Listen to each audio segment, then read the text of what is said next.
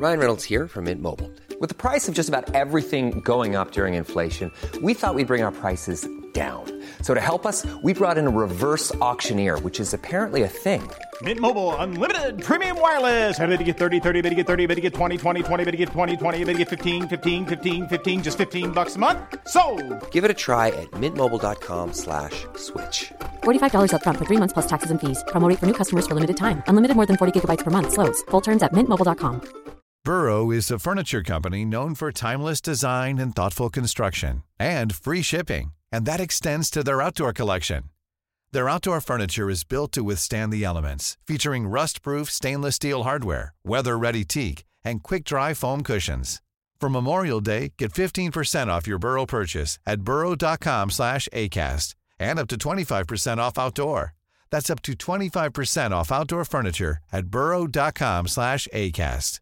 Hey, it's Ryan Reynolds, and I'm here with Keith, co star of my upcoming film, If, only in theaters, May 17th. Do you want to tell people the big news? All right, I'll do it. Sign up now and you'll get unlimited for $15 a month in six months of Paramount Plus Essential Plan on us. Mintmobile.com slash switch. Upfront payment of $45 equivalent to $15 per month. Unlimited over 40 gigabytes per month. Face lower speeds. Videos at 480p. Active Mint customers by 531.24 get six months of Paramount Plus Essential Plan. Auto renews after six months. Offer ends May 31st, 2024. Separate Paramount Plus registration required. Terms and conditions apply if rated PG.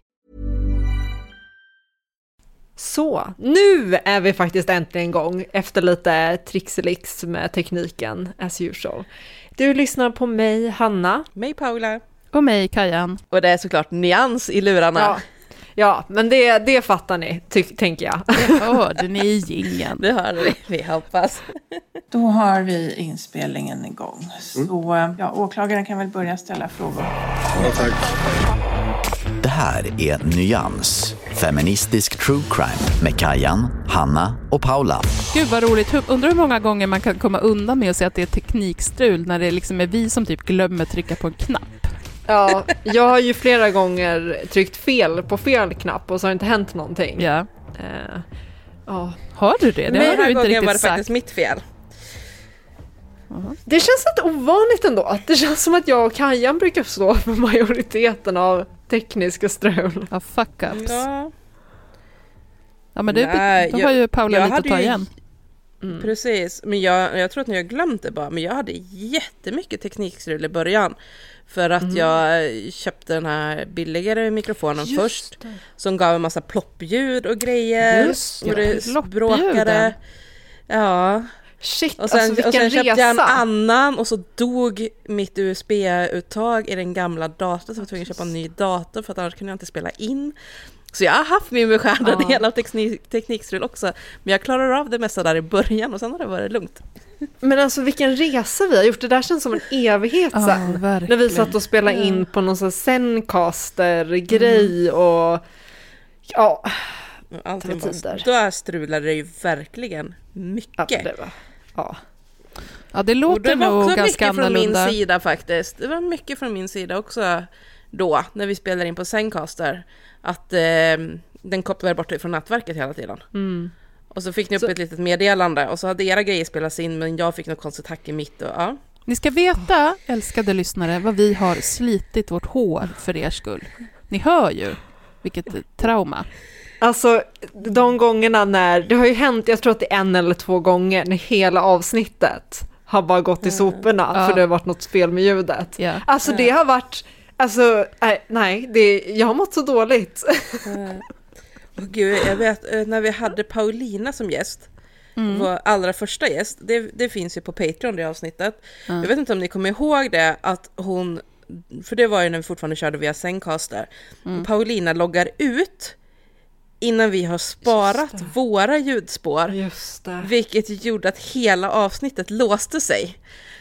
Tills hon gick in och eh, vi alla var upploggade igen samtidigt för att Sensecaster skulle gå med på att spara ner alla ljudfilerna. Ah, Det är liksom inte den pressen man vill lägga på en gäst som man liksom precis har Nej. haft. Så här, nu ska du agera fick sitta och precis skriva i rätt. panik, bara, du måste komma in igen! Ja. Åh gud. Nej, det har varit en del missöden längs vägen. Mm, men, men, Men vi har lärt oss. Vi har lärt oss, vi är duktiga. Nu ska jag, nu ska jag lägga ifrån mig min lilla Jag håller alltså på... Åh, nu ser jag att jag har gjort helt fel också. Jag håller på och övar. Ni vet att vi handarbetar. Eh, Hanna gör inte det nu, för att hon, ni minns kanske att hon tappade några maskor. Jag De tappade har, två maskor. de har inte plockats upp, utan den, den stickningen ligger och väntar på att jag ska komma och plocka upp dem. Ja, på Det- torsdag På torsdag ska jag göra ska det. det ske. Mm, så sen, sen är hon igång igen. Jag håller nu på att lära mig att virka. Alla ni som har sagt till mig att virkning är så mycket lättare än stickning, det, detta stämmer inte. Detta är ett ljug, ett påhitt. Fy vad det är svårt. Fy vad det är svårt.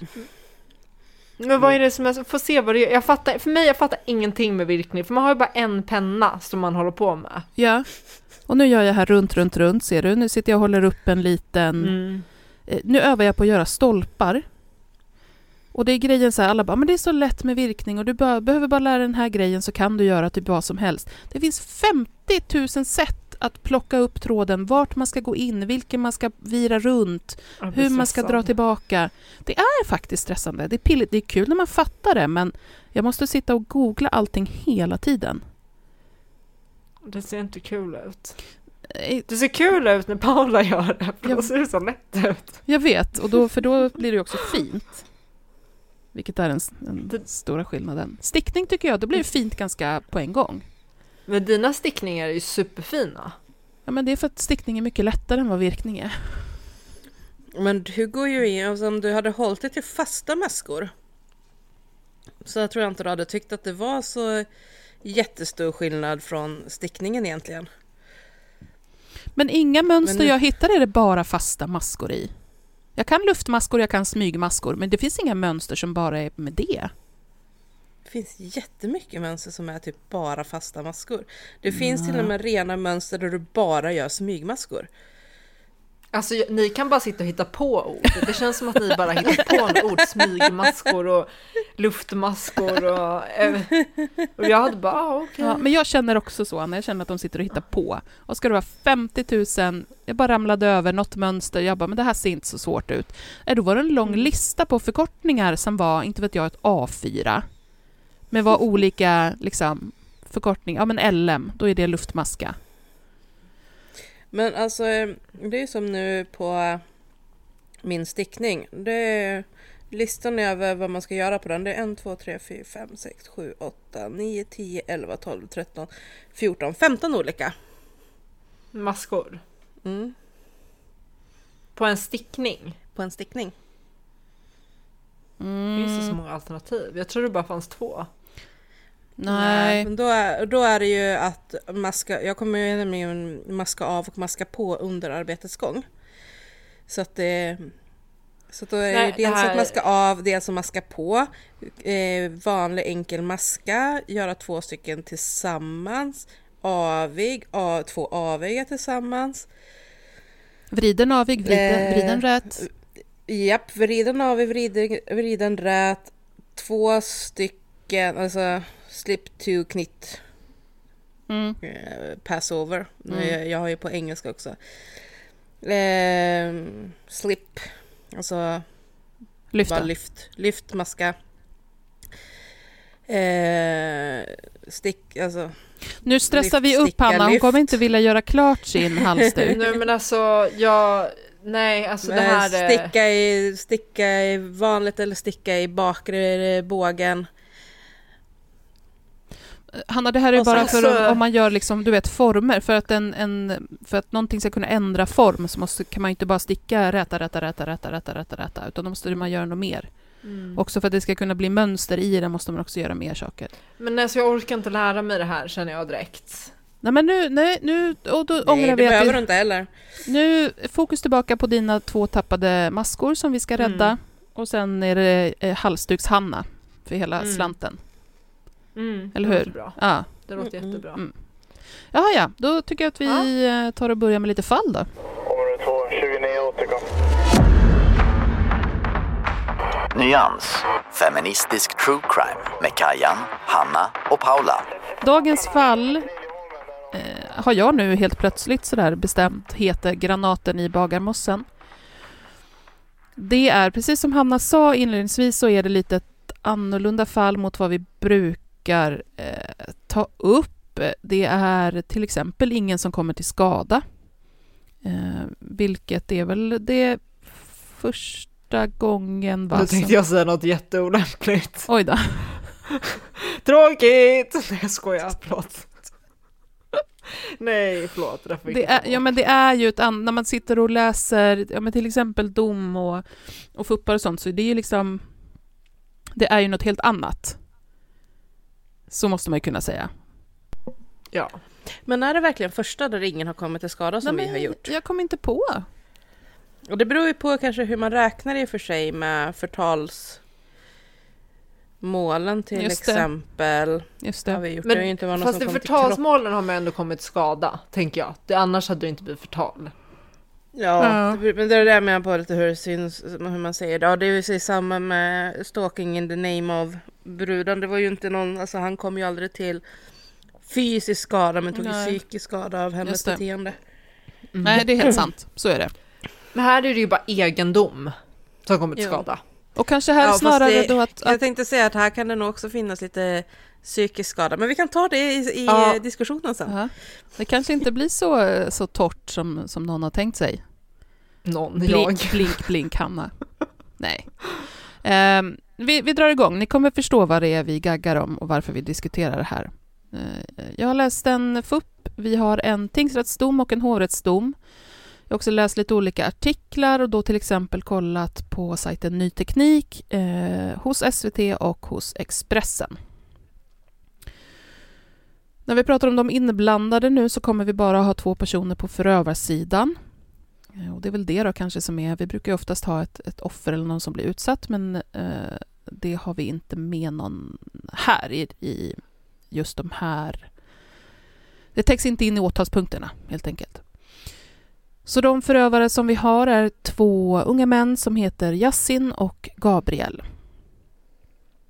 Det är tidig morgon den 2 januari i år, alltså 2023 när boende på en adress i Bagarmossen vaknar av höga smällar.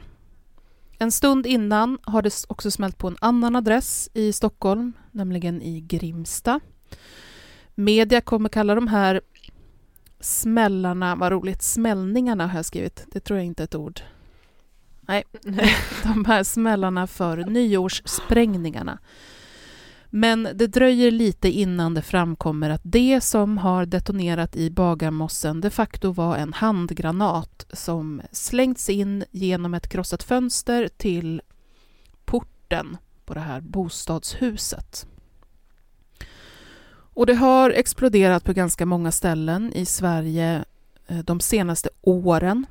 I princip alla med olika kopplingar till gängkriminalitet. Men det vi ska fokusera på nu är alltså just det här enskilda fallet som är granaten i Bagarmossen. Klockan är då runt halv fem på morgonen.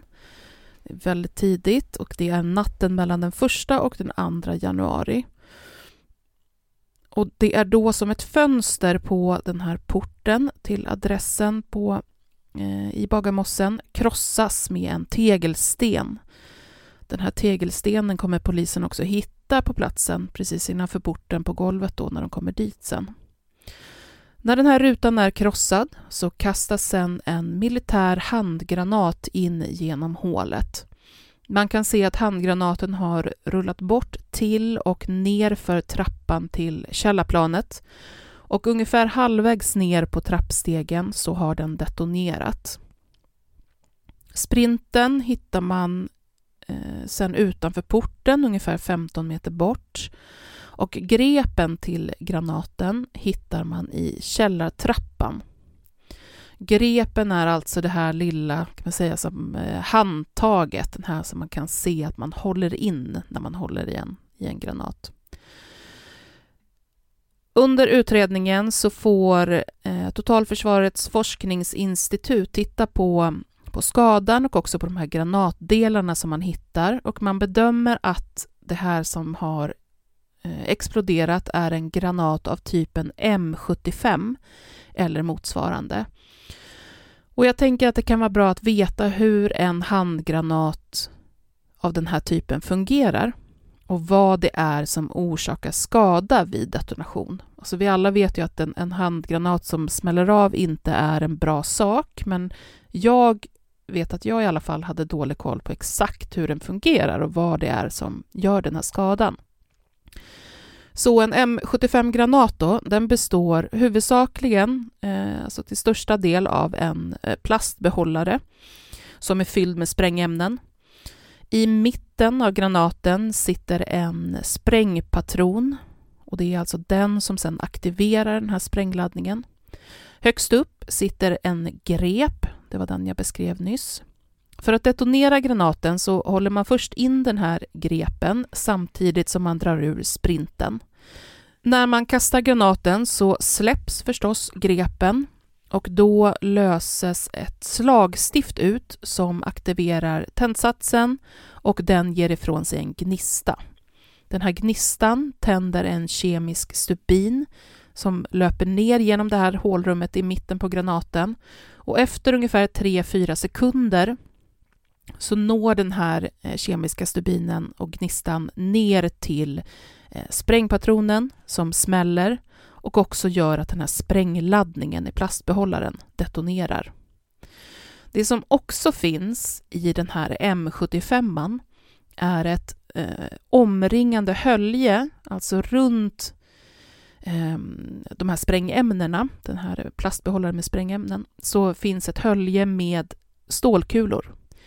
3000 stålkulor i en sån här granat. Och de här stålkulorna är till för att göra Eh, skada på människokroppar. Och längst ut då på granaten så finns ju också skalet förstås och det blir vid sprängning till splitter som i sig också eh, kan göra stor skada. Den här modellen av granat är från forna Jugoslavien och redan 2015 så gjorde Expressen ett inslag om vilken skada det blir när man detonerar just den här modellen.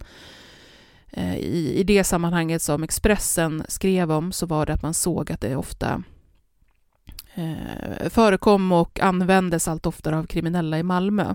Och det var därför man tittade på det. Och man har filmat det här och man kan se att det är en ordentlig smäll, en explosion. Och framför allt så ser man hur de här stålkulorna flyger ut och gör väldigt stor skada. Man har till exempel ställt upp dunkar med vatten runt omkring och man har också ställt upp någon slags pappfigur av, som ska eh, vara som en människa då, en bit bort. Och när man tittar på det här så, så rinner det ut vatten från dunkarna förstås för att stålkulorna har penetrerat den och eh, i pappfiguren, som säkerligen inte är gjord av papp, men ni vet vad jag menar, så är det ungefär ett 30-tal sådana här kulor som har penetrerat rakt igenom det då som ska vara en människokropp. Och i en artikel från 2018 eh, i, som SVT har skrivit så är det här eh, också ett ämne som man tar upp. Det är förstås lika aktuellt då. Och då pratar man om hur man får tag på sådana här vapen. Om det är någonting som blir allt mer vanligt så vill man förstås veta vad anledningen till det är och hur de här gängen helt enkelt får tag på handgranater att använda. Eh, Gunnar Appelgren, expert på gängkriminalitet vid Stockholmspolisen, säger då så här. De här får du som bonus när du köper automatvapen från Balkan. De tas in i ganska stora partier. Om du köper från forna Balkan får du fem automatvapen inklusive ammunition samt 64 handgranater och du betalar 1000 euro. Då ingår transporten från Balkan upp till Sverige och du får handgranaterna på köpet. Värt att säga är att det också var en M75, det vill säga en, en likadan handgranat som användes när en man avled i Vårby gård 2018. Då låg den här handgranaten på torget och den här mannen som då var i 60-årsåldern eh, cyklade förbi och såg den och plockade upp den och den detonerade. Och en kvinna i närheten skadades också av splittret. Jag tänker att det är viktigt att verkligen klargöra vad det här är för typ av vapen. Alltså 3000 stålkulor i en granat. Och de finns där för att göra så mycket skada på människor som möjligt. Men tillbaka till bagarmossen då. I trapphuset så ser man märken från stålkulorna som har slagit mot väggar och tak och trappan. En vattenledning har skadats. Forskningsinstitutet som har tittat på det här då, menar att det har förelegat risk för dödliga kroppsskador i större delen av det här utrymmet eh, runt där granaten har smält. Och det här sker, all sker alltså, ni kommer ihåg att granaten rullade ner lite för trappan ner mot källaren och där smällde. Så det har alltså skett direkt under de som bor på bottenplan. Men som jag nämnde så hittar man delar av granaten på platsen. Man hittar ju bland annat grepen. Och när man tar in den för analys så hittar man DNA. Man hittar det på både den och på sprinten. På sprinten är det DNA från minst två personer och på grepen rör det sig om DNA från minst tre personer. Och bland dessa så hittar man alltså DNA som tillhör de två unga männen Gabriel och Yassin, både på sprint och på grep. Och på den här tegelstenen som man krossade rutan med, och som man också hittar på platsen, hittar man även DNA från Yassin. De båda blir förstås direkt misstänkta och anhållna i sin frånvaro. Och 18 januari gör polisen ett första gripande då av Gabriel och två dagar senare så griper man även Yassin. När man gör en husrannsakan hos Gabriel så hittar man dels en del droger men också gömda i en garderob två pistoler. Okej, så polisen ska utreda vad det är som har skett här och varför, det vill säga vilket motiv det finns. I undersökningar av de båda misstänktas mobiler, där ni vet att man kollar ju sånt som vilka mastuppkopplingar som har funnits, samtalshistorik, sökningar och så vidare, så kan man hitta en hel del som kopplar de båda eh, samman och också en del som sker just vid de här dagarna runt sprängningen. Det är till exempel Yassin som söker på Gabriels adress och sen bokar en taxi till den. Eh, Yassins telefon kopplar upp vid masten hos Gabriel eh, och sen kopplar hans telefon inte upp någonting alls mellan 03.06 och 21.26 den 2 januari. Eh, det vill säga då under den tiden som det här dådet sker. Eh, man hittar dock inga, ingen direkt kommunikation mellan de båda i telefonerna. Men det åklagaren ändå kommer mena har hänt kan sammanfattas som det här. Utefter vad man har kunnat se, bland annat i förhör med eh, lokala poliser, så var Yassin en del av eller hade kopplingar till Dalen-nätverket. Poliserna hade då sett honom tillsammans med eh, personer kända från nätverket och så vidare. Men de kunde inte slå fast att han är medlem i nätverket. Någon bedömde honom som på väg in i det till exempel. Adressen i Bagarmossen går att koppla till en medlem i ett rivaliserande nätverk. Eh, och motivet till sprängningen menar åklagaren är att eh, den här boende då på adressen, det vill säga måltavlan, planerat att döda Yassins vän, eh, också han i eller runt Dalen-nätverket. Och att sprängningen alltså skulle vara Yassins sätt att förhindra det här. Eh, måltavlans planer på att ha ihjäl Yassins vän finns eh, med i fuppen, bland annat i form av konversationer med, med externa personer där där måltavlan då skriver om det här. Eh, och den här vännen till Yassin ska också ha informerats, han förhörs ju förstås, och han ska också ha informerats tidigare av polis om att någon planerar att mörda honom. I sms-konversationer mellan Yassin och hans dåvarande flickvän kan man också se hur han uttrycker oro för rivaliserande gäng, för Foxtrot, för den kurdiska räven och hur de ska vara ute efter hans vänner och att han själv inte kan gå vart som helst och så vidare. Den här granaten, menar åklagaren, har funnits i Gabriels ägo och att Yassin helt enkelt har åkt hem till honom för att hämta den och sen åkt iväg och utfört dådet. Men det här tycker alltså vare sig Yassin eller Gabriel stämmer. Så vad är det Yassin säger? Jo, han säger att på kvällen den 1 januari så åkte han runt på lite olika ställen i Stockholm för att få tag på 5 gram cannabis eh, som han brukade när han mår dåligt. Och det var det han behövde nu. Han prat han har åkt till en langare som han har handlat av förut, men på vägen dit så försöker han få tag på den här langaren, får inte tag på honom och när han kommer till platsen, till adressen, så stöter han på någon som avråder honom från att köpa från den här langaren och istället ger ett tips om en annan langare eh, som är mycket bättre. Och då beger sig Yassin till den langaren istället i Kärrtorp. Och när han är där så träffar han den här langaren och han träffar ytterligare personer, jag tror att det är fem personer, eh, som langaren hänger med eh, och där Yassin står med och hänger dem och röker en joint och sådär. Men när de står där och umgås så ropar en av killarna att polisen är i närheten och Yassin berättar att då börjar alla kuta. Han själv hoppar in i en bil tillsammans med den här langaren och det är då som han menar att hans mobil Eh, dog. Att den laddat ut. Dels då för att hans föräldrar har ringt honom så väldigt mycket och också för att det var kallt ute. Och det här förstår vi då ska förklara att hans telefon inte kopplade upp mot någon mast eller liknande under tiden för, för sprängningen.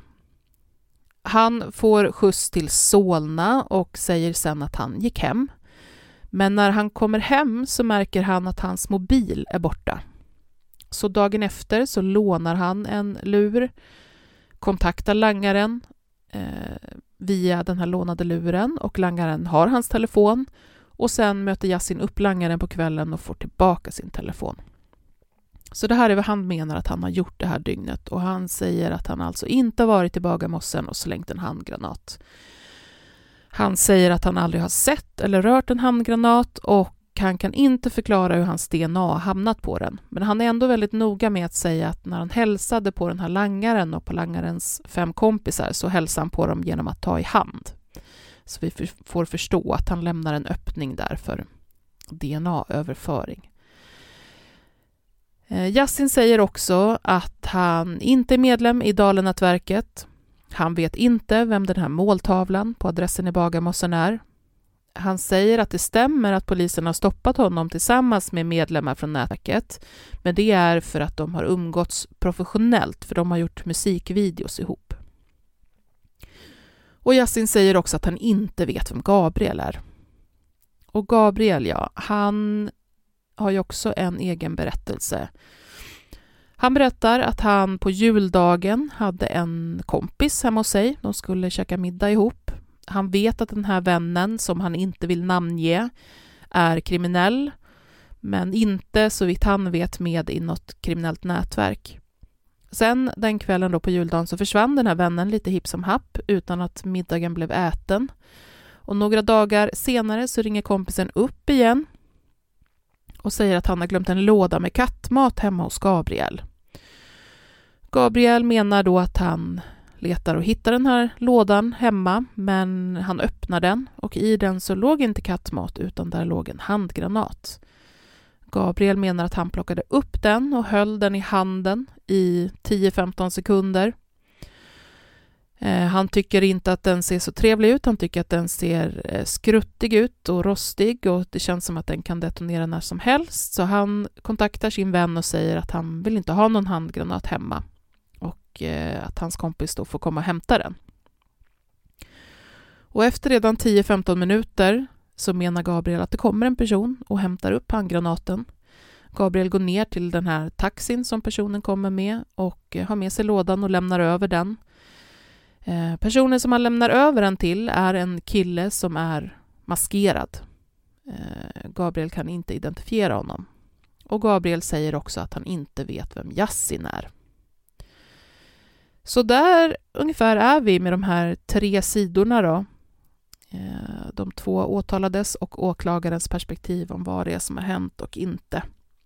Hanna Panna, vad hände sen? Område 2, 29 återkom. Nyans, feministisk true crime med Kajan, Hanna och Paula. Burrow's furniture is built for the way you live. From ensuring easy assembly and disassembly to honoring highly requested new colors for their award-winning seating, they always have their customers in mind. Their modular seating is made out of durable materials to last and grow with you. And with Burrow, you always get fast, free shipping. Get up to 60% off during Burrow's Memorial Day sale at burrow.com slash ACAST. That's burrow.com slash ACAST. burrow.com slash ACAST.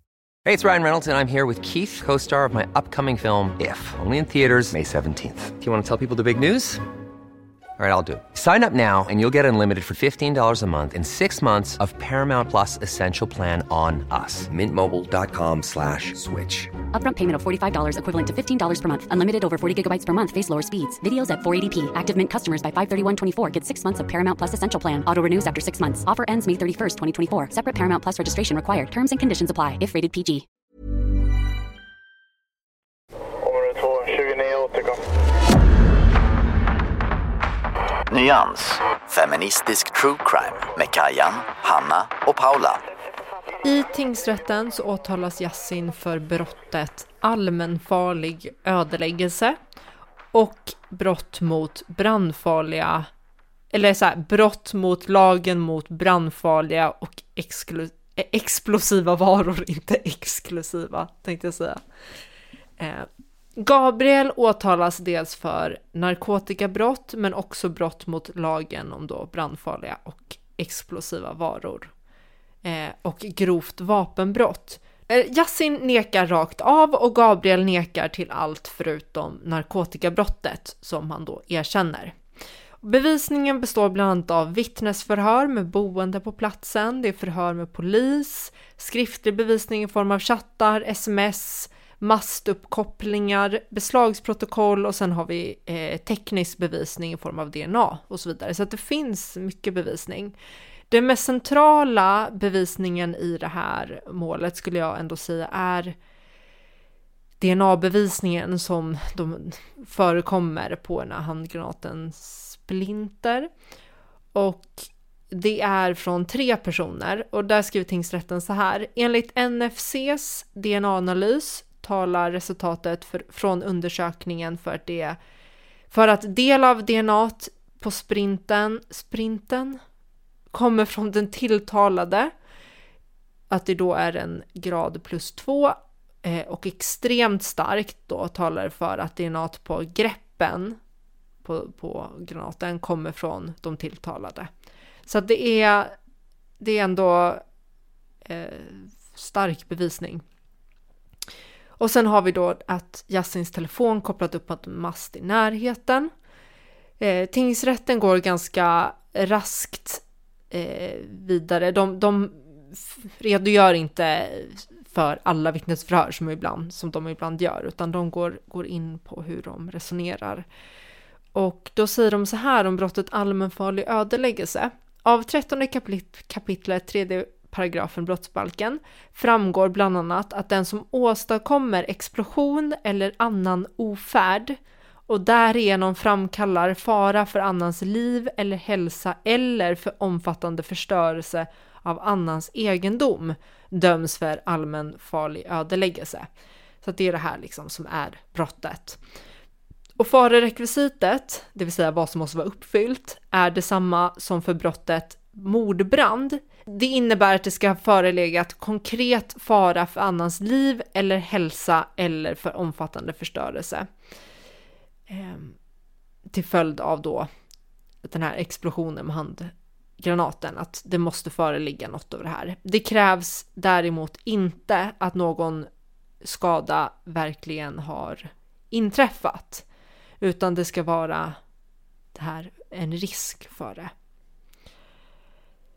Och i det här i fallet så menar ju tingsrätten att dels så har det ju orsakat liksom en, en fysisk skada på egendomen, men också att det fanns en potential att orsaka en väldigt stor skada och att eh, även liksom eh, att människor skulle kunna komma till skada och egentligen att det var ren tur att, att det inte skedde. Det var ju inte liksom inom de tilltalades eh, det var liksom inte deras agerande som gjorde att ingen kom till skada.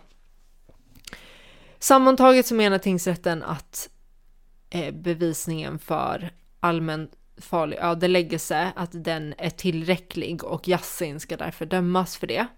Eh, och detsamma gäller brottet brand, det här lagen om brandfarliga och explosiva varor. Ehm, och den, det, andra, ja, det andra brottet ska även Gabriel dömas för eftersom att han också har haft hand om den här granaten även om det inte var han som kastade den. Vilket liksom, ja, det finns bevis för. Och då säger tingsrätten så här. Mot bakgrund av att Gabriel, Gabriels DNA har påträffats på flera ställen på handgranaten att Yassin några dagar innan sprängningen googlade på Gabriels adress samt att Yassin några timmar innan sprängningen kopplade upp mot samma mast som Gabriels i närheten av Gabriels adress menar tingsrätten att det är utrett att Gabriel med uppsåt har innehaft handgranaten på ett sätt som åklagaren har påstått. Och det faktum att han då innehaft den här granaten innebär att han har brutit mot lagen om brandfarliga och explosiva varor. Så här säger tingsrätten. Vid bedömning av straffvärdet för allmänfarlig ödeläggelse betraktar tingsrätten att handgranaten av aktuellt slag uteslutande är att betrakta som militär ammunition.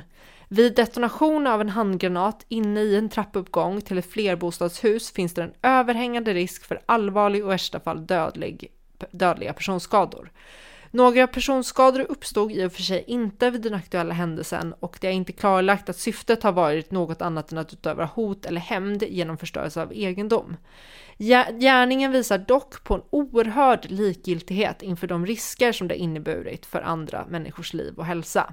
Och mot bakgrund av det här så menar tingsrätten att det samlade straffvärdet är så pass högt att det motiverar fängelse i fem år för Jassins del.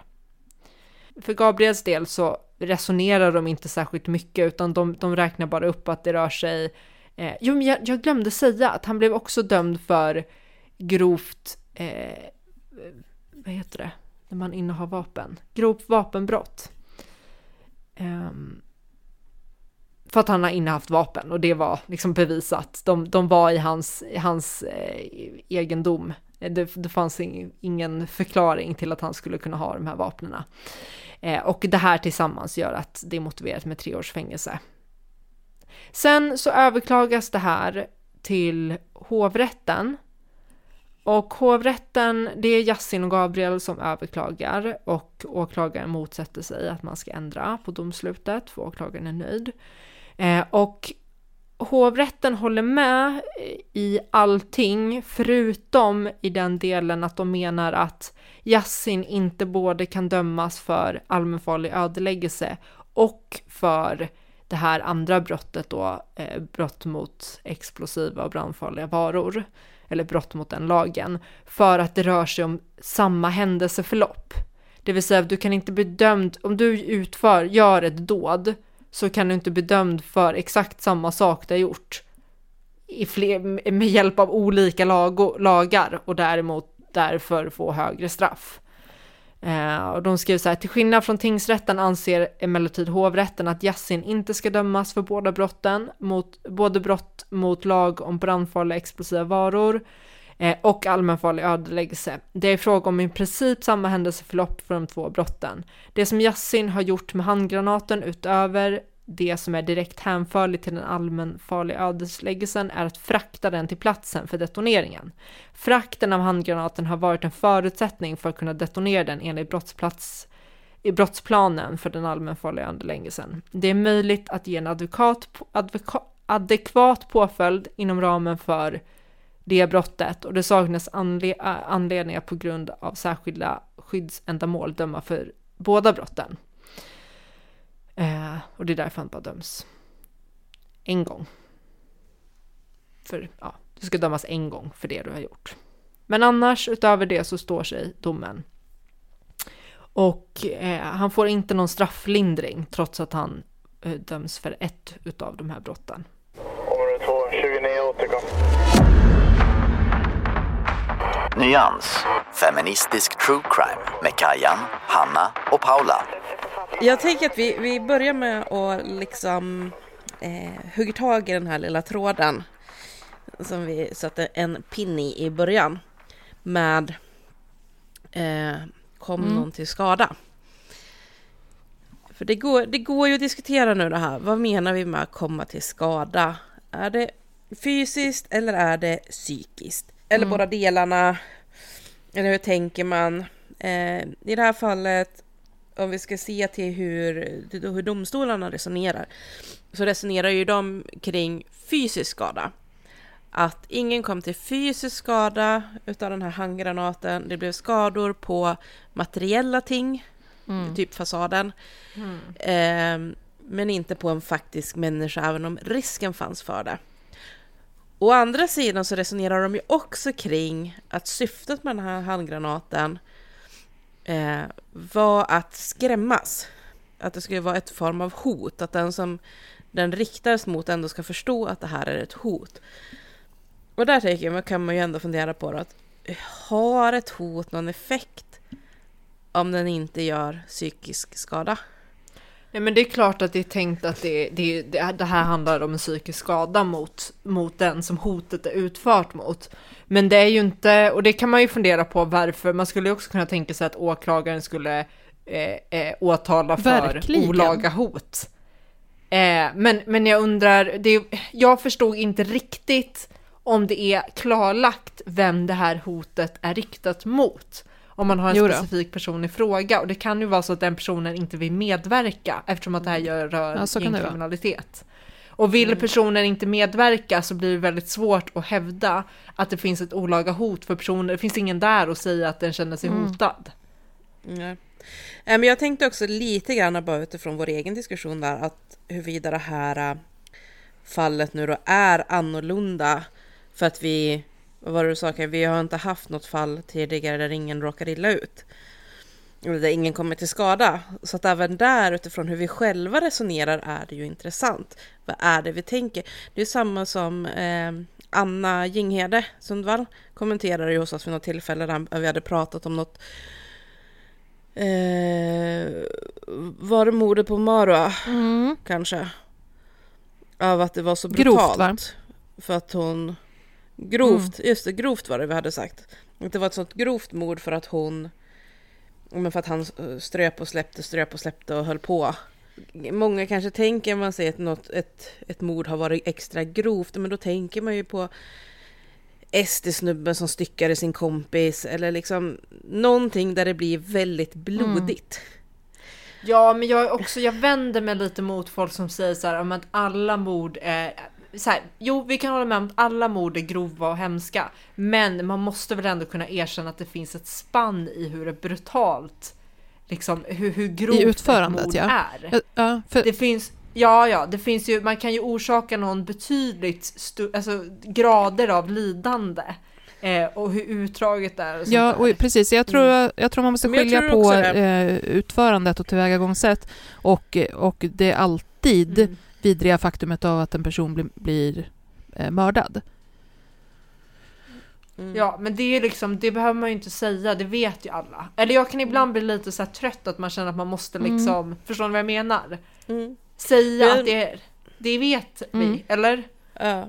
Men jag tror ändå att det kan vara bra att liksom faktiskt fundera på och definiera upp för sig själv också vad det är man, man menar. Jag svarade för min, för min räkning att när jag tänker på ett mord som extra grovt eller att man pratar i termer att det var ett synnerligt grovt mord. Och då tänker jag alltid på att det är ett utdraget. Ja. Jag upplever alltid värre, även samma med mordet på Magnus Natschke till exempel var otroligt grovt. För att det, för, alltså det föregicks av så mycket våld också innan han till sist blev dödad. Och samma med Marwa, att även i hennes fall så det var ju inte speciellt blodigt mord. Nej. Det var inte blodigt överhuvudtaget. Men det var extremt utdraget. Mm. Och därför pratar jag om det som, som ett grovt mord eller ja, ett grovt våld på ett annat sätt. Jag kan ju känna, om, om jag själv får välja så att säga, eller om jag tänker så här, ja, om någon, någon som skulle mörda mig, har jag helst att någon kommer in när jag ligger och sover och, och knäpper mig i huvudet och jag aldrig fattar vad som händer. Versus att bli uppdragen ur sängen och torterad i ett dygn innan man till sist långsamt skär halsen av mig eller något sånt där. Alltså då är det ju ganska lätt att tänka sig att det är klart att man hellre blir knäppt i huvudet och så är det slut. Ehm, och jag tror ju att det är lite samma det här mekanismen att man säger till folk också, men han dog direkt eller hon dog direkt. Ja men och det här är ju Ehm, någonting som Att man tryck Det här är ju någonting som rätten förhåller sig till med, med olika grader av, av hänsynslöshet. Ja. Och, så jag menar, det är ju ett spann som absolut finns. Och jag tänker att när man pratar om grovhet, eller man säger gud vad grovt, så, så behöver det inte heller bara röra det, utan det kan liksom vara saker som gör det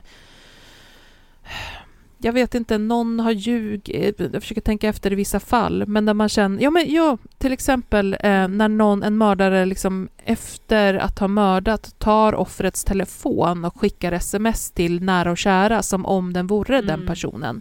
Där, det är en sån situation där jag skulle Mm. kunna säga fy vad grovt, alltså att det är så, Mm. eh, det, det är omst... Och det får man tänka, ett sånt fall som verkligen är grovt, eh, jag får komma att tänka på nu, ett amerikanskt fall. Då det är en, en tjej vars bästa kompis är kille och han blir typ besatt utav att han vill bli Mhm. tillsammans med henne. Och en dag när de är ute så eh, försöker han liksom göra en sexuell invit och när hon nekar så stryper han henne till döds, våldtar henne och dumpar hennes kropp i en skog. Jag vet vad det är. Eh, och sen eh, när familjen börjar höra av sig till honom för att fråga om han vet vad hon har tagit vägen så låtsas han att han Ja. inte har någon aning. Han sitter hemma hos dem och gråter och låtsas vara lika förfärad. Han är med ut och leder vissa av de här skallgångarna och är med på alla eftersök och så vidare. Håller upp den där fasaden i flera dagar och låtsas att han inte vet någonting. Och det är sånt där också att det spelar ingen roll hur fort själva Nej. mordet skedde och hur lite hon eventuellt led så är det så otroligt grovt att han gör det Mm. där mot familjen. Ja, precis. Och att de behöver lida i flera, flera dagar och undra vad som hänt med henne och han vet Mm. hela tiden. Alltså jag tänker säga att det generellt är bra att bli uppmärksamma på vilket språk man använder, för att vi gör ofta sådana saker väldigt slentrianmässigt. Så att det är ju, I det här fallet så tycker jag, om man pratar om grovt till Mm. exempel, så tycker jag att det är väldigt viktigt att man, ja men det är ju, det är ju bra att man då kan tydliggöra, vad är det vi menar med grovt och vad är det som gör, betyder det någon klassificering bl- bland fall där vi tycker att vi, rena avrättningar till exempel inte är, är så farligt, eller men så, här, så man kan förtydliga vad man menar. Ehm, och, och Mm. när det kommer till, till skada, så är att, no, att ha, har det här gjort skada på någon person? Där tror jag nog att det är ganska lätt, eh, och som jag säkert gjorde då i, i påan liksom, till, till fallet, eller introbiten, eh, att man hänfaller till att skada är det som är fysiskt. Ungefär som när man pratar om hälsa, att hälsa bara är, är fysiska aspekter. Mm. Medan vi ju vet att det inte eh, ser ut eller fungerar så. Men i det här fallet med den här sprängningen så Mm. tänker jag att alltså, hotet tycker jag eh, definitivt. Men sen även sådana bitar som man tar i beaktning med, med terrorbrott liksom. Borde väl kunna vara mer, Mm. alltså med, med, med uppskrämmandet av, för man, man kastar alltså in en handgranat och som jag gick igenom eh, är fullkomligt livsfarlig i ett hus där människor Mm. bor och ligger och sover. Alltså jag tycker ju att alla som har bott i det här huset Ja. borde vara målsäganden. Eller hur? Egentligen. Ja. de har ju blivit utsatta för det här. Mm. Men då blir ju frågan, det blir ju en sån här, ja men alltså men han har ju fan haft likgiltighetsuppsåt till alla Visst. som har bott i det där huset. Ja, jag tänkte precis säga det, att den här uppsåtsbiten är ju liksom rakt av Mm. likgiltighetsuppsåt. För att han har skitit i hur det kommer påverka alla de som bor i huset som behöver vakna av att det plötsligt smäller av en granat Mm. i deras trappuppgång. Eller vad man ska kalla det för. Så nej, jag tycker det är inte... För, för det är ju lite... Alltså även om det har blivit bättre och bättre och bättre i domstolarna så är det ju fortfarande en sån här grej som halkar efter lite granna. Det här med att ta hänsyn till just psykisk Mm. påverkan. Eh, att man Så det- tittar mycket mer på... Och det är, det är väl kanske det här med mätbarheten. Ja, det är ju så mycket säga. lättare att titta på. Är, är det en Ja. arm som har blivit bruten? Mm. Finns det sårskador? Finns det foton av blåmärken? Och så vidare. Mm. Det är mycket lättare. Men jag tänker som ehm, i förra när vi pratade om det här med barnrätts... Vad heter det? Med, med han som eh, mördade sin exfru. Att eh, han döms ju också för att Ja. barnen tvingades se. Ja, Ehm, barnfridsbrott. Mm. Precis. Och där är det ju faktiskt ett av få brott nu som vi har som är så uttalat att det handlar lika mycket om det psykiska. Att man säger liksom att men ett barn som ser sin förälder slå den andra föräldern kommer fara illa. Punkt slut. Sen att eh, även i det här fallet då så fanns det ju också att han hade ju även slagit barnen. Men även om han inte hade gjort det, även om det inte hade funnits ett fysiskt våld mot barnen så hade han ju fortfarande dömts. För att ha utsatt ju för- barnet för det psykiska. Ja, och det, men han dömdes ju separat för att ha utsatt dem för våld. Precis. Och sen barnfridsbrottet, det psykiska var ju en helt skild liksom, brottskategori. Så det är ju väldigt bra. Ja. Och som jag fattar man så ska man ju enligt nya lagen också titta mer på sådana grejer även när det kommer till eh, hemfridsbrott, kvinnofridsbrott, eh, alltså våld i nära relationer på olika sätt. Att din, det har ju tittats väldigt mycket tidigare på bara det här med alla gånger man kan bevisa att det har skett ett sexuellt övergrepp eller något form av fysiskt våld. Det är ju det man har gått på. Eller när det har varit och kontrollerat, man har kunnat visa på att den här personen till exempel har eh, lagt spionprogram i min telefon eller skickat 300 sms på sex timmar, Mm. alltså sådana saker. Det, det som man kan ta på, det är ju det man har tittat mest på. Men nu att man även ska ta in mycket mer det här psykiska runt omkring. Det har funnits med i lagen tidigare också, att det är en faktor. Men det har varit en ganska sekundär faktor. Egentligen. Och nu kan det bli liksom att det till viss del kanske är nästan hela faktorn i vissa typer utav våldsamma relationer. Får jag, får jag dra en grej som är lite, jag har skrivit upp det på min diskussionsdel och det är lite anknytning till det här. Ehm, för, för det är också en sak, när man pratar om de här, ska vi säga, bi, de här fallen som tillsammans gör, utgör en helhet när det kommer till eh, gängkrigen och så, att där är det ju ofta, det är inte isolerade händelser, utan det är ju en händelse som skapar en effekt som, som blir en hämndaktion, som blir ytterligare ett dåd, som blir ett mord, som blir någonting. Eh, och det här går ju som en lång jävla eh, tråd rakt igenom och så är det ju med den här händelsen också. Det finns en massa sammankopplingar med en massa eh, andra saker och så är det ju när det är de, eh, de här gängkriminella dåden. Eh, och det som man pratar om ganska mycket som är det här liksom startskottet för just den här vågen är ju det här mordet på eh, juldagen 2022. Och då var ju, eh, det är ju mordet på ska vi Mehdi Dumle Sashit som var 27 år. Han hade ju en central placering i Rinkeby-nätverkets den här dödspatrullen. Eh, och de låg ju, eller ligger i konflikt med ett annat gäng, Shottaz. Och eh, han var ju också, han då som kallas Dumle, han var ju också med när Einar sköts. Han var också formellt misstänkt i den mordutredningen fram till sin död, skriver Expressen. Eh, och han eh, liksom vara med i en intervju här ett tag, liksom, ett tag innan, några år innan eh, han blev mördad. Och jag tänkte jag bara skulle läsa upp det, för det är lite det som vi pratade om också. Då sa han så här i den intervjun. Låt folk skjuta varandra, stör inte dem. Det är inte en Kalle eller en Fredrik som dör. Det är folk som själva skapat problem och som gjort knas. Låt oss äta varandra tills vi är slut. Det är bästa sättet. Han som lever är bäst, han som är död är död. Det stör inte folk. I slutändan är det Shunos som har dött. Ehm, och det sa han då. Och det, ja, det sa han då och han var då 26 år när han sa det, så det var alltså året innan då som han dog. Och eh, han bar ständigt skyddsväst och hoppade mellan boenden och ändrade liksom rutiner konstant för att, för att inte bli mördad. Eh, och jag tänker att i det så finns det ju också en skillnad på de här eh, dåden kopplade till gängkriminalitet när det kommer till ska vi säga, de här rena avrättningarna som vi ser eh, av, av personer som är måltavlor. Och sen så också då de här brotten där det är alltså, eh, öppna sprängningar, där det är också när man skjuter fel person och sånt där.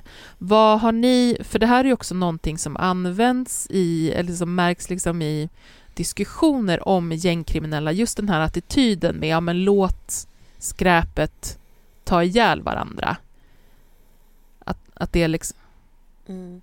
Det håller jag inte med om. Surprise, Nej, det hoppas jag inte att någon av oss håller med om. Det vore väldigt olustigt.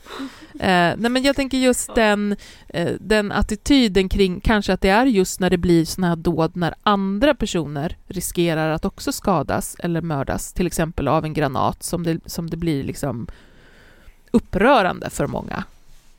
Men det är inte sam på samma sätt när Mm. det är en, en ren avrättning och i det här fallet så tyckte ju till och med den här Dumle själv att eh, låt oss vara, vi ska ju... Ja. Mm. Ja men det tror jag. Jag tänker ju som när, när Einar vart skjuten. Och eh, det var väl Kristersson som gick ut och sa att eh, det som var så oroväckande med det var ju att nu, nu skjuts det bland det. vanliga Svenssons. Eller liksom bland, bland Mm. vanligt folk eller något sånt där sa han ju. Vanligt område. ja. Precis, men ett vanligt bostadsområde bland vanliga människor. Ehm, och det var liksom så himla tydligt där någonstans att men det här med skjutningarna ehm, Alltså fine att ingen tycker att det ska vara skjutningar någonstans, men i den mån det ändå är skjutningar så är det så att ja, men det är det där som blatteungarna ska syssla med där i förorten och inte hålla på och besvära eh, Mm. rika vita innerstan med. Så att säga. Och, eh, och så tycker jag också nu när man ser liksom det här att det- när det blivit mer och mer och mer upprördhet kring de här skjutningarna. Så är det ju också för att det mer och mer och mer har börjat drabba eller bli närvarande i så att Ja, säga visst. vanliga människors liv. Ehm, Mm. och jag tycker att det känns som att någonstans den här vändpunkten lite grann kom ju någonstans när den här lilla flickan Ja. blev skjuten utav ett vådaskott.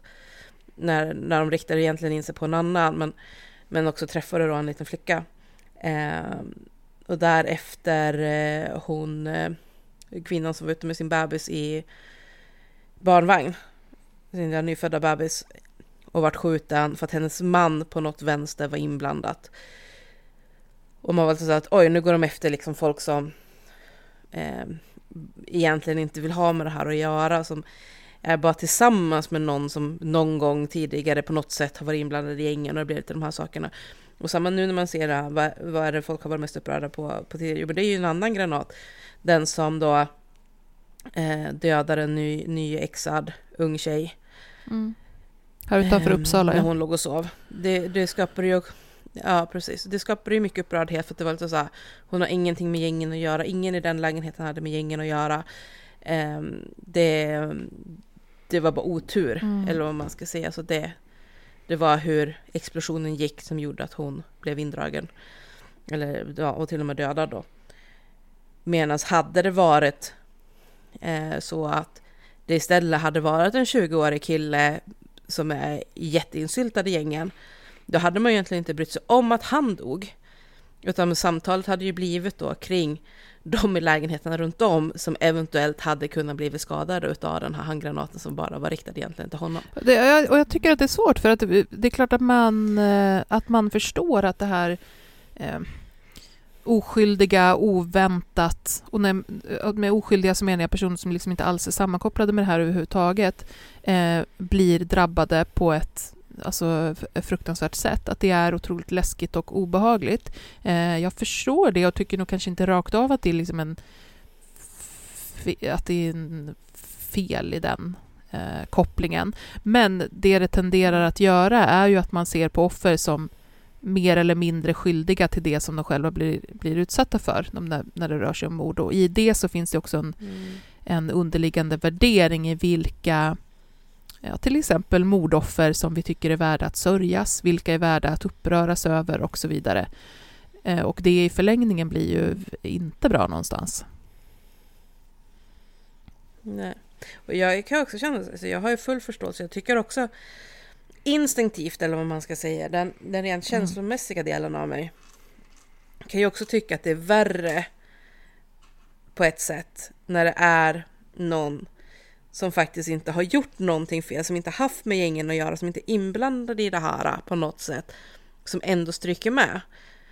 Versus när det är någon som eh, när det sen liksom, den har dött och de tittar eh, upp dens eh, eh, polisregister och det är lite så här, ja nej men den personen har själv varit inblandad och i att försöka mörda någon, kidnappa någon annan, någon grov misshandel någon annanstans, vapenbrott i, i parti och minut och sånt där. Att det är svårare rent känslomässigt att känna det här äh, oskyldiga livet, fan vad hemskt, känslan.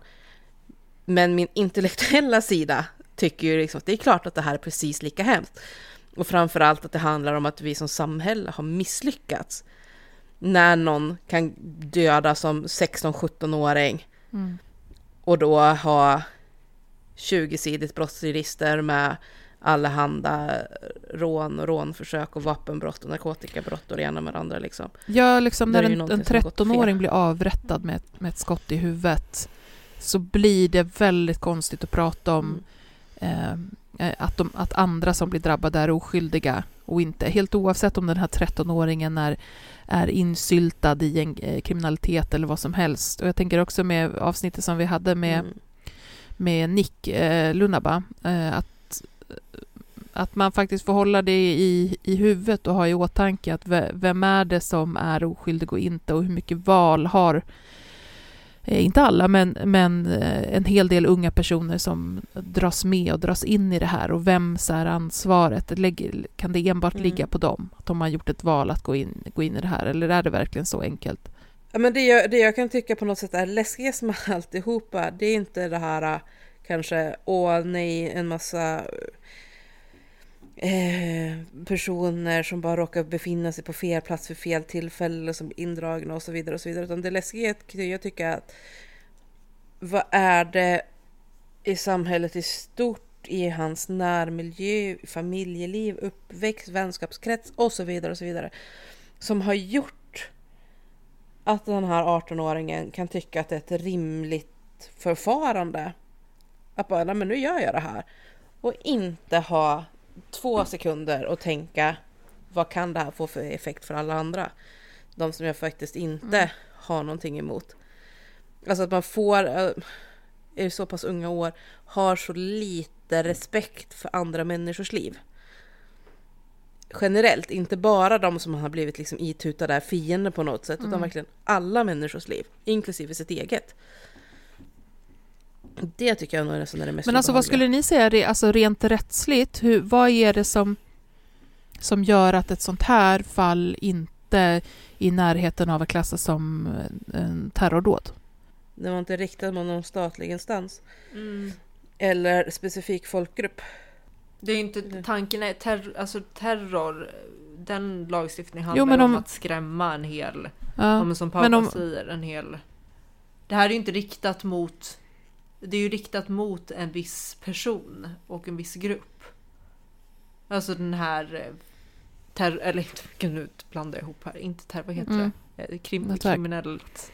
Det är ju riktat mot ett annat kriminellt nätverk. Men jag tänker att det, att det fastnar i det här glappet mellan att eh, det blir inte olaga hot mot den här enskilda individen eller på några individer alls egentligen. Men vi kommer heller inte bort till, det är fortfarande en person som har kastat in en handgranat i ett bostadshus bland en massa människor med syfte att skrämmas. Eh, förstår ni att det finns liksom ett... Mm. Ja, alltså han blir ju dömd för det. Det är ju inte som att det är ett vakuum där och att han inte blir dömd för det. Utan det är ju just den här hot, liksom aspekten utav Ja, det som man missar. Eller egentligen, eh, nej alltså. Jo, Alltså, det jag blir det ju. det- Den där terror- känslomässiga. Ja. Eh, Nej, för jag tänker så här, terrordåd, så är ju en del av ett terrordåd är ju att ett syfte med det ska vara att förmå en statlig instans att antingen göra en viss grej eller att avstå från att göra en viss grej. Så tar man, när det har varit hö, alltså, högerextrem terrordåd av något slag till exempel, då har ju oftast liksom syftet med det varit att man vill skrämma till att stoppa invandringen, till exempel. Och jag tänker mig med terrordådet i... ehm, eller ja, nu, nu dömdes han ju bara för försök till terrordåd, men terrordådet där i Visby, då handlade det ju om att vilja förmå staten att göra förändringar kring psykvården till exempel. Och så det måste finnas den grejen också. Sen kan det vara att antingen i staten som helhet eller att man vill skrämma och förmå till handling kring en specifik grupp. Jag kan läsa vad, den stå, vad som står i lagen. För terroristbrott döms den som begår en gärning som anges i tredje paragrafen och om gärningen allvarligt kan skada en stat eller en mellanstatlig organisation eller, eh, och avsikten med gärningen är att injaga allvarlig fruktan hos befolkningen eller en befolkningsgrupp, otillbörligen tvinga offentliga organ eller en mellanstatlig organisation att vidta eller avstå från att vidta en gärning, eller allvarligt destabilisera eller förstöra grundläggande politiska, konstitutionella, ekonomiska eller sociala strukturer i en stat eller en mellanstatlig organisation. Terroristbrott kan vara olika sorters brott, till exempel mord, misshandel, människorov, skadegörelse eller allmänfarlig ödeläggelse. Så att det kan vara allmänfarlig ödeläggelse, men det måste ju ha de här andra rekvisiten Mm. som man inte ser i det här fallet. Mm. Poängen är ju inte liksom att injaga allvarlig fruktan hos en hel befolkning eller en del av befolkningen. Ja. Det här var eventuellt att försöka skrämma en specifik individ. Men den individen har inte velat framträda. Jo, men även, även när man vill eh, skrämma, alltså, för, eh, alltså en del av befolkningen blir, det är lite knasigt formulerat, för en del av befolkningen är ju, säger vi Foxtrot, det är ju en gruppering som är en del av Nej, nej, jag vet, men det är inte det man det menar. är, nej, men eh, alltså man eh, koll... Men, ja. men det- och det är precis det jag menar som blir skillnaden. Jag tror att det står specificerat någon annanstans. Det står i, om man kollar i förarbetena så kommer det stå att man menar liksom religiös eller Alltså man menar ju egentligen, ja eller- man menar ju grupperna som ingår i diskrimineringslagen. Ja. För det var ju det man kom fram till till exempel med varför det inte var terrordåd att tända eld på flyktingförläggningar. Mm. Eh, när man dömde lite nazister för det. För det, det var ju många som tyckte att det är väldigt uppenbart terrordåd för själva syftet med att tända eld på flyktingförläggningar är ju att skrämma flyktingar och försöka förmå staten att sluta ta emot flyktingar. Men man bedömde att det inte var ett terrordåd eftersom flykting inte är en tillräckligt specificerad folkgrupp. Och man menar liksom, hade det varit syrier specifikt eller Mm. eh, muslimer specifikt eller liknande, ja då hade det kunnat blivit ett terrordåd. Men eftersom flyktingar i sig innehåller folk från massa olika folkgrupper, massa olika bakgrunder, massa olika religioner och så vidare, då kunde man inte, då ansåg man det inte vara ett terrordåd. För det var ett förlöst... Det är märkligt resonerat. Område 2, 29 återkom. Nyans. Feministisk true crime med Kajan, Hanna och Paula. Veckans snackis. Och då ska vi prata om en artikel i Dagens Juridik med rubriken HD prövar ska dömda få straffrabatt för att de har Oj, oj, barn. Jag tycker att det är lite missvisande rubrik. Det är Verkligen. clickbait-rubrik. Ja, så missvisande. det är lite mer Är det komplicerat ett clickbait från så här. Dagens Juridik? ja, men det är så clickbait. De vet ju att de får ganska mycket genom, genomslag i sociala medier med olika grejer. Jag tänker snippa dom och, och Ja. grejer, så att de är nog inte helt passiva där. Ja. De, har, de har lärt sig. De så här. En kvinna och en man har båda dömts för ekonomisk brottslighet. Eh, mannen hade sedan tidigare eh, näringsförbud för att han har förskingrat pengar för. Men han startar ändå upp näringsverksamhet och tvingar den här kvinnan, eller enligt henne i alla fall då, tvingar den här kvinnan att eh, tvätta pengarna från den här näringsverksamheten. Så hon har på något vänster tagit emot eh, drygt 3 miljoner kronor på lite olika konton ifrån partnerns konton. Eh, och på så sätt då kunna få ihop de här, eller tvätta de här pengarna då på olika sätt. För att och därmed då kringgå eh, det här eh, näringsförbudet. Eh, mannen döms så småningom för grovt bok bokföringsbrott och överträdelse av näringsförbud bland annat och han får två och ett halvt års fängelse. Kvinnan eh, döms i tingsrätten då för, eh, vad kallar de det nu för, näringspenningstvätt. Eh, Så fantastiskt ord, alltså näringspendlingstvett. Den får de jobba på, helt klart. Eh, eh, men tingsrätten då gjorde bedömningen att eftersom kvinnan levde på skyddat boende ihop med sin son så var, fanns det skäl då att se över huruvida hon verkligen skulle få fängelse eller inte.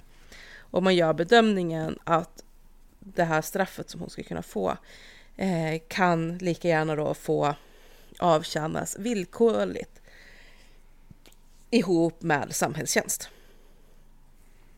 Domen överklagas och ehm, eh, går upp då i hovrätten. Och hovrätten å sin sida de tittar på andra utlåtanden eller andra fall.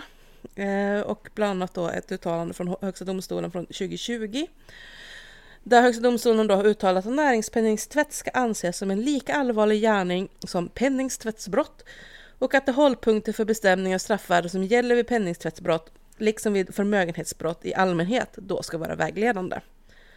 Så utöver då att det rör sig om en ganska stor summa pengar, 3 miljoner är inte någonting som man råkar få utan att lägga märke till det, så menar då eh, hovrätten att man ska titta på eh, straffvärde utifrån det faktum att kvinnan har haft insikt och, varit en, och haft en aktiv roll i det här, även om hon inte har varit ledande i verksamheten. Eh, så har hon varit väldigt aktiv i verksamheten. Hon har hanterat stora delar av pengarna och även dragit nytta av dem själv.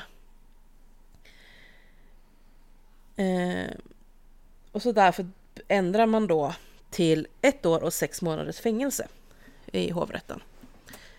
Och nu har då kvinnan överklagat detta till Högsta domstolen och hänvisar till barnkonventionen. Och i barnkonventionen så står det bland annat att ett barn inte får skiljas ifrån båda sina föräldrar eh, om det inte anses vara eh, det absolut bästa för barnet. Och eh, det, pappa eller ja, den här mannen har inte dömts för det. Men kvinnan eh, hänvisar till att hon bor på skyddat boende med hemligstämplade personuppgifter för att pappan har varit mycket våldsam. Eh, sonen, eller ja, jag tror att det var en fyraårig son. Jo, en fyraårig son.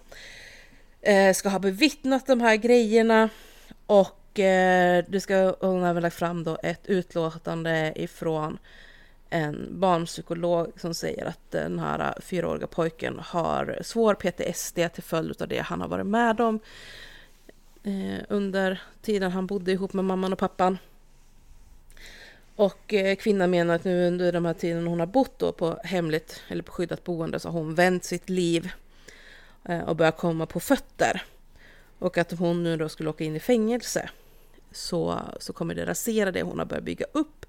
Och det skulle också ytterligare då traumatisera den här sonen som förlorar sin enda trygga mm. punkt. Mm. Och Högsta domstolen har nu då beviljat eh, prövningstillstånd för detta och ska därmed helt enkelt granska att kan det vara så att det utgör ett, en krock då mot barnkonventionen att döma mm. båda föräldrarna. Ja men precis, jag tycker det här är jätteintressant. För som jag mm. förstår också när det kommer till barnkonventionen, när man har två intressen som står emot varandra. För å ena sidan så finns det ett legitimt intresse av att så här, hon har ju begått ett brott som hon ska mm. dömas för och det straffvärdet är fängelse. Det är klart hon ska dömas till fängelse. Å andra sidan har vi, det krockar ju helt med barnets intresse av att få ha sin förälder ja, eh, närvarande. Och, mm. Eh, och i den där konflikten så, så förstår jag det som att det är när det står mot varandra så är det barnkonventionen som ska få genom, barnets bästa ska få genomslag. Men mm. jag tänker att i, i ett sånt här fall så det går ju inte att säga något kategoriskt för att det skulle bli orimligt. Utan det blir ju verkligen fall till fall och jag tycker absolut att det ska finnas en möjlighet att man ska kunna ta in det i bedömningen att blir det här en, en katastrof för ett barn mm. så ska det vara någonting som domstolen ska ta in i bedömningen. Eh, hur, liksom, I straffbedömningen vad, vad som blir eh, rimligt. Men jag tycker inte att det ska vara någon slags schablon att ja, men du har barn, då är det inte fängelse, utan då är det, eh, utan liksom då är det eh, samhällstjänst. Utan att det här, det här måste ju vara när det är alltså väldigt specifika omständigheter och väldigt så här. Det finns dokumenterat att det här barnet eh, liksom, det skulle få väldigt stora konsekvenser. Katastrofala följder. Och i, i det här, bara från det av, om, liksom av det man kunde läsa av den här artikeln så tycker jag ändå att det framgår ganska tydligt i artikeln att det finns skäl, starka skäl. Eh, just på grund av att det här barnet har redan behövt slitas upp, lite som i vårdnadstvister, behövt byta ny plats, eh, behövt byta namn och liksom, ja, hel identitet. Och sen att behöva göra det igen när man bara är fem år gammal, att behöva flytta till en ny familj. Och liksom, ja. Så att jag tycker det är jätte, det ska bli superspännande att se vad domstolen eh, kommer Ja, fram till. svårt tycker jag alltså. Mm. Eh, jag tycker också superintressant och jättebra att de tar upp det. Jag har svårt att se hur det är en, en bedömning som alltså innehåller så otroligt många saker. Jag har svårt att se hur man ska kunna liksom sätta det i system.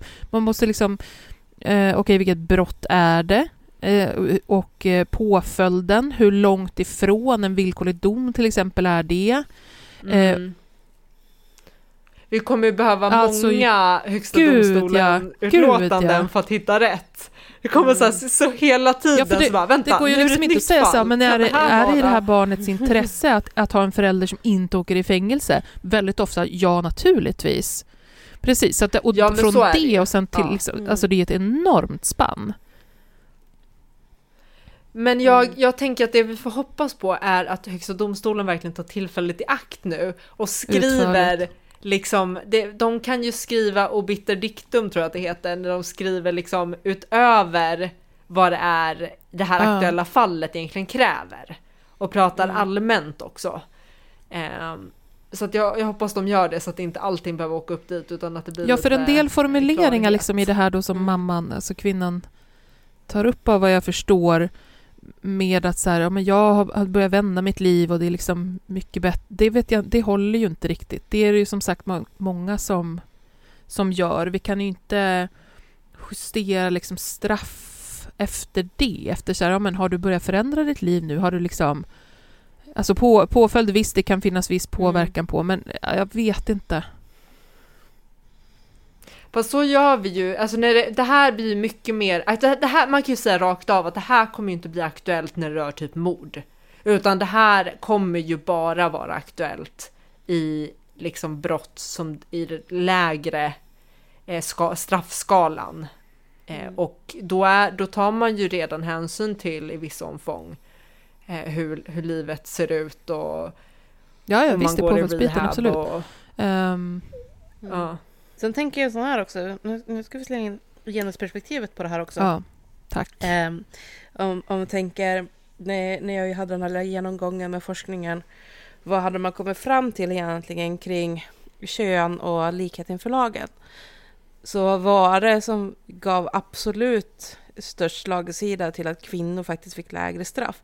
Jo, men det var ju när de var mödrar som tryckte på att deras barn behövde dem. Mm. Och får vi då ett utslag här som verkligen säger att jo, men barnkonventionen säger nu att vi ska titta på barnets bästa i förhållande till vad föräldern får för straff, så tror jag att det kommer ge ytterligare eh, slagsida för kvinnorna där att faktiskt slippa fängelse i högre utsträckning. För att man redan från början, även om det inte finns, som i det här fallet då, eh, när man ändå trycker på att det har funnits våld från pappans sida och sådär som, som sonen inte ska behöva uppleva.